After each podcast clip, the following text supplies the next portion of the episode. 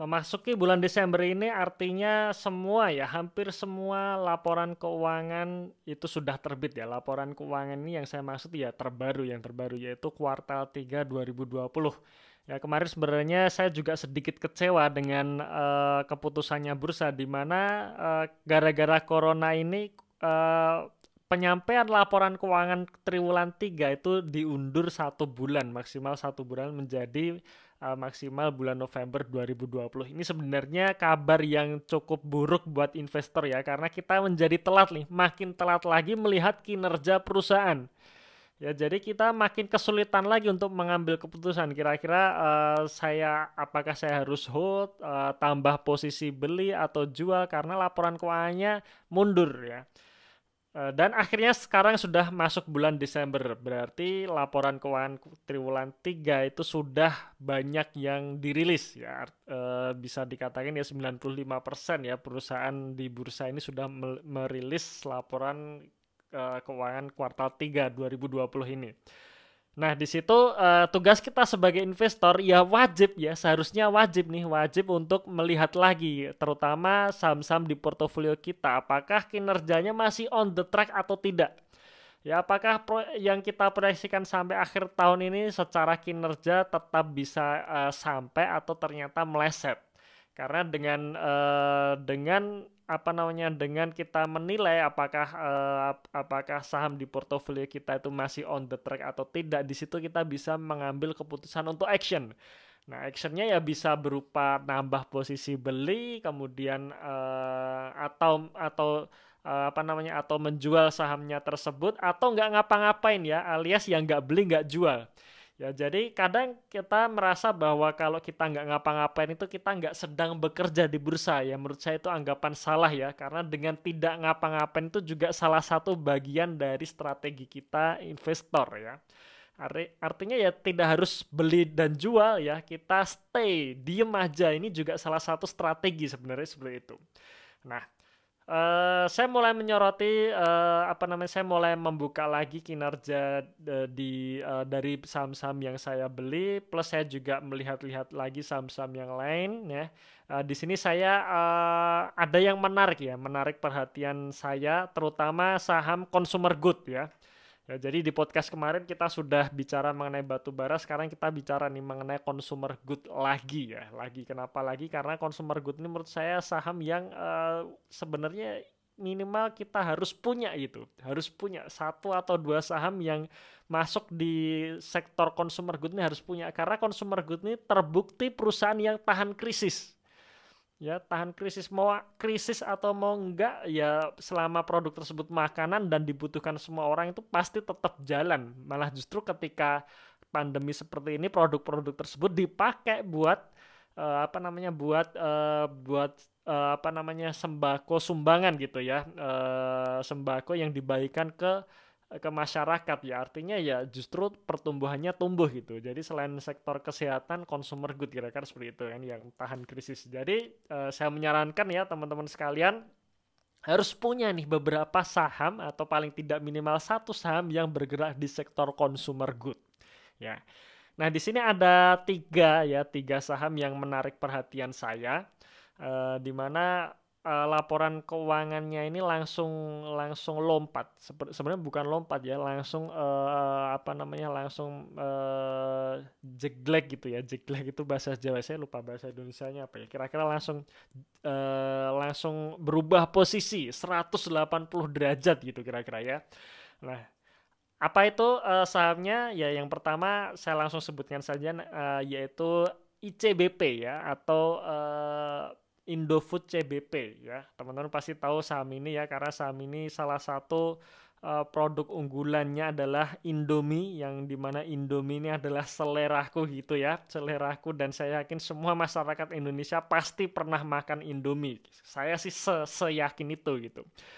Nah ini menarik uh, menarik ya karena uh, kita tahu ya isu akuisisi Pine Hill menyebabkan harga saham ICBP ini turun. Tahun jadi tahun 2020 ini harga sahamnya turun bukan karena kinerjanya yang jelek tapi karena akuisisi Pine Hill Corpora Limited ya. Dan akhirnya uh, akuisisi tersebut sudah masuk nih masuk di laporan keuangan kuartal 3 ini dan kita lihat uh, jomplangnya laporan keuangan ICBP ini luar biasa menurut saya ya karena kalau teman-teman uh, lihat atau teman-teman baca laporan keuangannya ini perubahannya ini sangat drastis ya jadi di ta, uh, di posisi akhir Desember 2019 kemarin aset ICBP ini masih 38 triliun. Nah, sejak akuisisi Pine Hill ya asetnya ini naik luar biasa sampai kurang lebih 300% menjadi 102 triliun. Jadi dari 38 triliun menjadi 102 triliun. Ya, perusahaan apa yang bisa menaikkan aset sedemikian besarnya gitu ya. Nah, nah di sini uh, di di posisi aset ini yang uh, yang jomplang gitu ya itu adalah uh, pos goodwill. Nah, goodwill ini sebenarnya uh, apa namanya? sebenarnya uh, nilai yang tidak kelihatan gitu ya. Karena apa? Karena memang ICBP ini akuisisi Pine Hill dengan harga lima kalinya, uh, lima kali PBV kira-kira seperti itu ya. Makanya misalkan harga perolehan satu triliun ya atau 10 triliun, tapi karena ICBP ini membeli di 50 triliun, nah maka sisanya di situ sebesar 40 triliun itu dicatat sebagai goodwill Ya, jadi kalau teman-teman lihat laporan keuangannya 100 triliun tersebut 54 triliunnya alias separohnya itu adalah goodwill yang di mana di situ sebenarnya tidak ada uangnya kira-kira seperti itu ya. Nah, oke kita nggak eh, nggak uh, permasalahkan itu. Nah kita coba soroti mengenai hutangnya ya dan di mana hutangnya ini juga naik signifikan dari posisi Desember 2019 sebesar 1,6 triliun ya di posisi 2020 eh, ini posisi September menjadi 32 triliun alias naiknya 3.200 persen hutang buruknya. Ya, dan inilah yang menyebabkan harga saham ICBP turun ya karena uh, semua investor itu nggak suka gitu dengan yang namanya hutang gitu ya karena memang pada dasarnya hutang itu tetap akan menggerus laba bersih. Nah, tapi apakah hutang itu aib? Nah, ini yang menarik. Jadi seperti ini teman-teman sekalian ya. Uh, ketika perusahaan akan ekspansi ya dan ternyata dia tidak punya uang, maka ada dua opsi yang dipakai oleh perusahaan yaitu dengan hutang atau dengan tambah modal. Ya tambah modal kalau di bursa ya biasanya uh, perusahaan itu akan uh, menerbitkan saham baru atau melakukan aksi korporasi berupa right issue ya. Uh, atau perusahaan bisa uh, apa namanya menerbitkan obligasi atau pin, juga pinjam bank ya. Jadi intinya adalah dia harus menambah sisi pasifanya. Ya, menambah sisi pasifa otomatis uh, akan mengarek sisi uh, aktiva ya, yaitu sisi asetnya. Nah, hutang ini sebenarnya bukan aib menurut saya ya, asal ya, asal sekali lagi asal hutang ini bisa benar-benar menjadi leverage perusahaan. Artinya dengan perusahaan ini berhutang, maka harapan kinerjanya ini juga akan naik signifikan. Ya, jadi bukan hanya tumbuh seperti biasa, tetapi juga harus signifikan. Karena kalau uh, hutangnya nambah, ya kinerjanya naik signifikan, ya maka ya berhasil gitu. Perusahaan tetap bisa menghasilkan profit yang gede, ya, di mana profit yang gede ini uh, akan menguntungkan para pemegang saham karena uh, dengan perusahaan bisa menghasilkan profit, ya perusahaan bisa membagikan dalam bentuk dividen atau membayar hutang atau melakukan buyback saham, ya. Buyback saham ini juga katalis positif ya atau juga bisa dilakukan uh, bisa digunakan untuk ekspansi di mana jika perusahaan memilih untuk menahan labanya karena adanya ekspansi maka ekuitasnya akan menjadi lebih besar lagi. Ya dan dan ketika ekuitasnya lebih besar lagi berarti uh, ya kita seneng gitu. Kita sebagai pemegang saham seneng berarti aset kita ini naik gitu. Nah nah sekarang kita bicara mengenai hutangnya ICBP ini ya. Jadi setelah uh, setelah akuisisi Penhill maka hutang ICBP membengkak dan rasio dernya pun itu juga membengkak. Nah, biasanya ICBP ini uh, rasio darinya itu tidak lebih dari 15% ya, bahkan cuma sepuluhan persen ya. Uh, sekali lagi, DER yang saya maksud adalah debt ya, yang benar-benar hutang bank atau penerbitan obligasi dibandingkan dengan ekuitas ya. Jadi bukan total ekuitas yang saya hitung. Ya, karena yang namanya debt ini ya hutang gitu, hutang bank ya. Jadi uh, kalau kita bicara mengenai total liabilitas ya menurut saya itu bukan debt ya. Karena di sisi liabilitas itu macam-macam. Ada utang usaha, utang usaha itu dalam akuntansi namanya payable account. Ya, ada uh, pendapatan diterima di muka atau uh, uh, istilahnya DP atau down payment ya. Down payment itu bukan debt gitu. Jadi seharusnya kalau menurut saya ya, uh, menurut saya ya yang namanya debt itu ya hutang bank saja gitu. Ya, jadi bukan total liabilitas. Nah, nah kembali ke ICBP ini ya. Setelah akuisisi Pine Hill, nah maka debt to equity ratio jadi membengkak yang biasanya hanya 10 persenan menjadi 121 persen ya alias pembengkakannya ini luar biasa. Nah bahayanya apa sih hutang yang besar ini? Ya hutang yang besar ini bahayanya yang pertama adalah menggerus laba bersih otomatis ya. Jadi perusahaan sudah capek-capek mencetak laba tapi ternyata beban keuangannya besar ya laba bersihnya jadi tergerus. Nah kira-kira seperti itu. Kemudian eh, kalau misalkan perusahaan tidak mampu membayar eh, apa namanya membayar hutang ini ya ujung-ujungnya si kreditur akan menggugat ke PKPU dan kalau ternyata tidak disepakati ya eh, eh, apa namanya tidak tidak uh, berujung ke jalan kedamaian ya bisa dituntut pilot gitu ujung-ujungnya pilotnya kalau pilot ini sudah repot nih kita pemegang saham ya siap-siap duit kita hilang gitu aja kan nah ini yang tidak kita inginkan Nah, makanya ketika uh, akuisisi Penhill ini uh, benar-benar jadi dilaksanakan ya harga saham ICBP-nya turun gitu. Nah, sekarang kita uh, bicara mengenai proyeksi ke depan ya. Kira-kira uh, benar gak sih? Atau kita bicara skenario ya, bukan proyeksi tapi skenario. Karena memang uh, ini aksi korporasi yang sangat luar biasa dan belum pernah ada track recordnya ya. Jadi kalau kita bicara mengenai proyeksi yang belum pernah terjadi, yaitu menurut saya sih sulit gitu.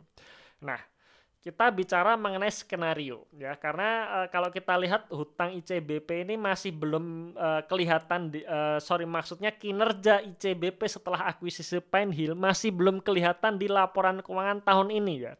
Jadi yang kelihatan baru hutangnya yang membengkak ya hutang yang membengkak rasio DER yang tinggi baru itu saja. Cuman kinerjanya belum kelihatan. Kenapa ya? Karena ya baru selesai di bulan Agustus kemarin gitu ya. Kalau nggak salah Agustus apa September gitu ya. Nah, kita bicara seperti ini ya. ROE ICBP ya setiap tahun ini selalu membuka uh, angka yang bagus menurut saya karena setiap tahunnya itu selalu di rata-rata 20 persenan yang di mana 20 persen ini ya bagus banget gitu perusahaan yang bisa mencetak laba dengan rasio ROE 20% dengan ekuitas yang selalu tumbuh itu bagus banget. Artinya laba bersihnya selalu naik. Kemudian dividen payout rasionya juga di kisaran 50% ini juga bagus banget gitu. Ya, makanya saya selalu mengatakan ICBP ini salah satu perusahaan yang cocok untuk kita hold lama, panjang ya 5 10 tahun menurut saya oke. Okay. Nah, apa yang terjadi ketika hutangnya besar ya? Takutnya ya takutnya uh, labanya akan tergerus ya karena beban utangnya besar. Nah nah uh, maka ROE-nya tidak jadi 20% lagi. Kalau ROE-nya turun ya menjadi hanya kisaran 10% atau bahkan di bawah 10% ya siap-siap ini harganya akan turun. Dalam jangka panjang ini akan turun. Nah tetapi berbeda cerita jika ternyata akuisisi Penhill ini benar-benar bisa mendongkrak laba bersih ICBP. Ya saya ambilkan contoh misalkan ini. Ketika katakanlah akuisisi ini berhasil dan ICBP mampu membukukan ROE 30% ya. Anggap saja 25% lah itu sudah bagus banget apalagi kalau 30%. Maka menurut saya harga sahamnya ini bisa akan naik lagi dan bisa meroket lagi ya selama ini secara uh, secara year on year secara tahunan dari tahun 2013 sampai 2019 PBV ICBP itu selalu di kisaran lima kali. Ya lima kali karena ICBP punya produk yang kuat dan juga uh, apa namanya kinerjanya selalu tumbuh tanpa hutang yang besar maka lima kali ini bisa kita jadikan acuan sebagai harga wajar ICBP ya. Nah lima kali dan sekarang sudah turun ke empat kali Kalau misalkan ya ROE-nya ini naik menjadi 25% atau bahkan 30% atau di atas itu, saya yakin PBV ICBP juga akan naik lagi gitu. Bukan hanya lima kali, tapi bisa tujuh kali atau bahkan delapan kali yang artinya ICBP ini termasuk growth-nya ini yang luar biasa signifikan gitu.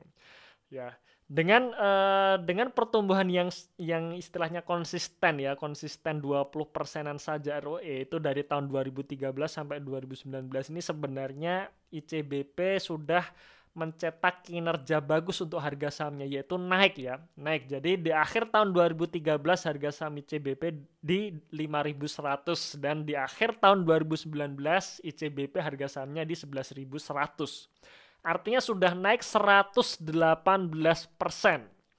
Ya, 118 persen selama 7 tahun. Jadi ini sangat bagus sekali ya. Sorry, bukan 7 tahun, tapi 6 tahun. Menurut saya ini sangat bagus sekali ya, di mana kita bisa dapat instrumen investasi yang naiknya 100% dalam 6 tahun, yaitu bagus banget gitu. Nah, apalagi kalau misalkan ya kalau misalkan ya skenario nya uh, hutangnya ini benar-benar jadi leverage ICBP, ROE-nya bagus mencapai 30%, ya kalau misalkan PBV-nya naik jadi tujuh kalinya, yaitu luar biasa banget ya. Kita bisa dapatkan multi bagger di ICBP ini ya. Tapi multi bagger dalam jangka panjang ya, bukan di bawah satu tahun. Ya. Nah, ini uh, ini mengenai ICBP ya. Jadi uh, sekarang tinggal bagaimana kita sendiri sebagai investor ini yakin nggak sih dengan kinerja ICBP di masa datang dengan adanya akuisisi Hill ini? Apakah apa kita yakin uh, yakin akan bagus atau tidak gitu? Atau kita bisa wait and see dulu? Jadi kalau kita tipenya kita yakin tahun depan ini kinerja ICBP bagus, ya mending kita langsung beli sekarang sebelum naik tinggi di tahun-tahun berikutnya, kira-kira seperti itu. Tapi kalau kita yakin, kita, kita tidak yakin ya, kita bisa wait and see dulu ya, wait and see dulu. Kita lihat nih kinerja tahun-tahun depan apakah benar-benar bisa naik, benar-benar bisa jadi leverage atau tidak. Karena kalau ternyata skenario-nya gagal alias uh, hutang ICBP ini tidak bisa mendongkrak kinerjanya, ya siap-siap harga sahamnya akan turun kembali. Ya, nah itu uh, mengenai ICBP. Sebenarnya ini juga mirip dengan satu perusahaan namanya ULTJ ya. Ini ULTJ juga menarik karena uh, di bulan November ini ICBP menerbitkan MTN senilai 3 triliun. Ini juga uh, juga membuat laporan keuangannya itu berubah signifikan ya ya berubah signifikan tapi memang belum muncul di di kuartal 3 2020 ini karena baru di bulan November ini berarti nanti akan muncul di laporan akhir tahun ya. Nah, di laporan akhir tahun tapi kita bisa proyeksikan nih. Dengan utang 3 triliun ULTJ ini ekuitasnya masih sekitar uh, sekitar uh, eh, 6 triliunan ya ya sekitar 6 triliun. Jadi sebenarnya masih kecil. Jadi kalau kita uh, bicara ya uh, uh, sorry sekitar 4,5 triliun ya. Jadi setelah melakukan buyback ya buy, uh, buyback uh, saham LTJ kemarin ya maka uh, ekuitasnya turun menjadi 4,5 triliun. Jadi kalau kita hitung secara rasio DER dengan hutang 3 triliun ya maka DER-nya pun juga naik signifikan menjadi 63 persen jadi bayangkan ya ICBP ini hampir hutangnya selalu nol tiap tahun. Ya tiap tahun hampir selalu nol ya uh, dan pertumbuhannya selalu bagus tiap tahun. Ya makanya makanya PBV-nya selalu di antara 3 sampai 4 kali dengan uh, perusahaan ini bisa mencetak ROE juga sama dengan ICBP ya sekitar uh, 15 sampai 20%. Nah, berhubung ada hutang ya, hutang baru sebesar 3 triliun, rasio DER-nya ini naik Nah, makanya kemungkinan besar uh, eh, ULTJ ini harganya juga gak akan naik dulu gitu. Gak akan naik dulu karena ada komponen uh, hutang ini yang akan menggerus laba bersih. Nah, cuman sama dengan ICBP ini teman-teman sekalian. Jika kita yakin bahwa dengan hutang ini ya, hutang ini uh, kinerja ULTJ akan menjadi lebih baik lagi, ya siap-siap nih, siap-siap harga sahamnya ini juga akan terbang di tahun-tahun depan. Tapi kalau ternyata ULTJ ini tidak mampu uh, apa namanya uh, tidak mampu untuk memanfaatkan hutang yang sebesar 3 triliun ini ya siap-siap harga sahamnya akan turun. Kira-kira seperti itu dalam jangka panjang ya. Ya, cuman kita harus lihat dulu nih. Hutang uh, hutang WLTJ ini untuk apa saja sih ya. Jadi kalau teman-teman baca prospektusnya ya, prospektus dari uh, penerbitan MTN oleh WLTJ ini 3 triliun ini uh, dibagi menjadi tiga seri ya, seri A, B dan C. Ya, seri A ini jangka waktunya satu tahun dan nilainya satu setengah triliun. Artinya separuh dari tiga triliun ini akan lunas di tahun depan. Kira-kira seperti itu. Kemudian seri B, uh, seri B ini uh, nominalnya sekitar 600 miliar ya.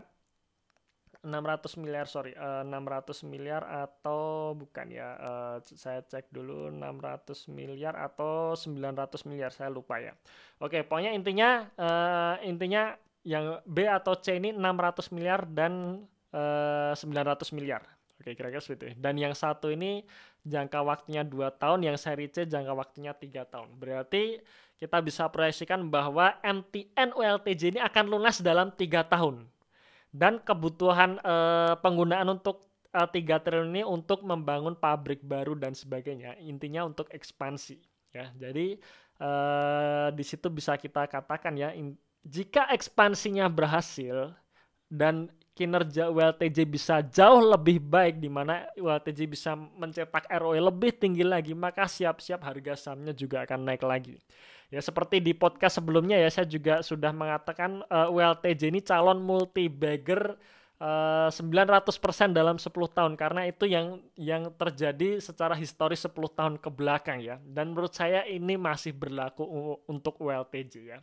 Jadi menurut saya uh, eh, WLTJ jika kita yakin ya sama seperti ICBP jika kita yakin ya kita bisa beli sekarang nih WLTJ ini. Tapi kalau kita tidak yakin dengan hutangnya ini apakah bisa meleverage kinerja WLTJ ya kita wait and see dulu saja sampai uh, sampai tahun depan gitu kira-kira. Nah, itu mengenai WLTJ dan ICBP. Oke, dan dan selanjutnya satu lagi yang uh, yang menurut saya juga menarik perhatian saya yaitu uh, eh, UCID ya atau Unicam Indonesia. Nah, ini menarik, ini bukan masalah hutangnya kalau ini ya, tapi masalah dari laba bersihnya yang berkurang ya. Dan di sini laba bersih yang berkurang ini akibat dari kerugian kurs jadi teman-teman kalau baca laporan keuangan posisi September 2020 UCID ini uh, laba bersihnya turun ya, turun kurang lebih uh, 60% dibandingkan posisi yang sama tahun 2019. Tapi kalau kita lihat padahal pendapatannya hampir sama, 6,2 triliun. Di tahun 2019 juga sama, 6,2 triliun. Artinya apa? Artinya entah ada krisis atau tidak, orang-orang tetap beli pem, uh, tetap beli popok bayi Mami Poko ya orang-orang tetap beli pembalut cam. Ya. Dan inilah yang terjadi pada UCID di mana uh, berarti produknya ini sudah memiliki brand yang kuat ya uh, kinerjanya sebenarnya ke, uh, operasionalnya ini juga tidak terlalu terganggu dengan adanya COVID-19. Tetapi kenapa laba bersihnya turun? Karena ada rugi kurs ya, rugi kurs sebesar 140 miliar. Nah, kenapa rugi kurs ya? Karena ICB uh, eh, sorry UCID ini impor gitu. Impor bahan bakunya dari luar negeri. Ketika uh, perusahaan ini impor ya, berarti si si perusahaan dia harus menyediakan mata uang dolar. Di mana kalau dolarnya naik, maka beban uh, beban kursnya ini juga makin naik. Artinya kalau misalkan satu dolar 15.000 berarti perusahaan harus harus menyediakan 15.000 untuk per satu dolarnya. Ya, kalau dolarnya turun berarti lebih murah karena misalkan jadi 14.000 berarti uh, eh, UCID ini hanya menyiapkan 14.000 untuk satu dolarnya ya. Dan di tahun 2020 ini seperti kita tahu ya uh, tahun kemarin kursnya naik gila-gilaan 14.900 bahkan sempat menyentuh 15.000 makanya di sini ada selisih kurs rugi kurs ya rugi kurs yang ini sangat menggerus laba bersih dari UCID menjadi laba bersihnya turun sekitar 60% dan ini yang menarik juga ya saya melihat jika kursnya nanti normal kembali alias hanya di kisaran 14.000 sampai sekarang dan semoga bisa dipertahankan sampai tahun depan atau kalau bisa uh, dolarnya turun lagi maka UCID ini akan terkena dampaknya dengan uh, akan membuka laba kurs ya yang di mana ini akan mengerek laba bersih. Dan ketika laba bersihnya naik ya bisa kita katakan naik. Dan kalau naikannya di atas 100% ya siap-siap tahun depan harga saham UCID ini juga akan terbang. Nah, tapi apakah benar ya? Apakah proyeksi saya benar? Ya saya tidak tahu ya, saya tidak tahu karena uh, saya hanya bisa memproyeksi um, dan proyeksi saya bisa benar bisa salah. Jadi 50-50. Nah, jadi kembali lagi nih ke teman-teman sekalian. Kira-kira teman-teman sekalian masih masih oke okay nggak dengan uh, dengan keyakinan-keyakinan yang saya uh, saya utarakan tadi? Kalau misalkan yakin ya kita bisa masuk sekarang gitu. Kalau tapi kalau tidak yakin ya kita bisa wait and see dulu sampai kinerja tahun depan uh, muncul ya kinerja tahun depan uh, terbit dan kita kita bisa melihat nih. Oh ya, ternyata kinerjanya naik. Berarti saya bisa beli uh, tahun depan gitu ya. Oke ya.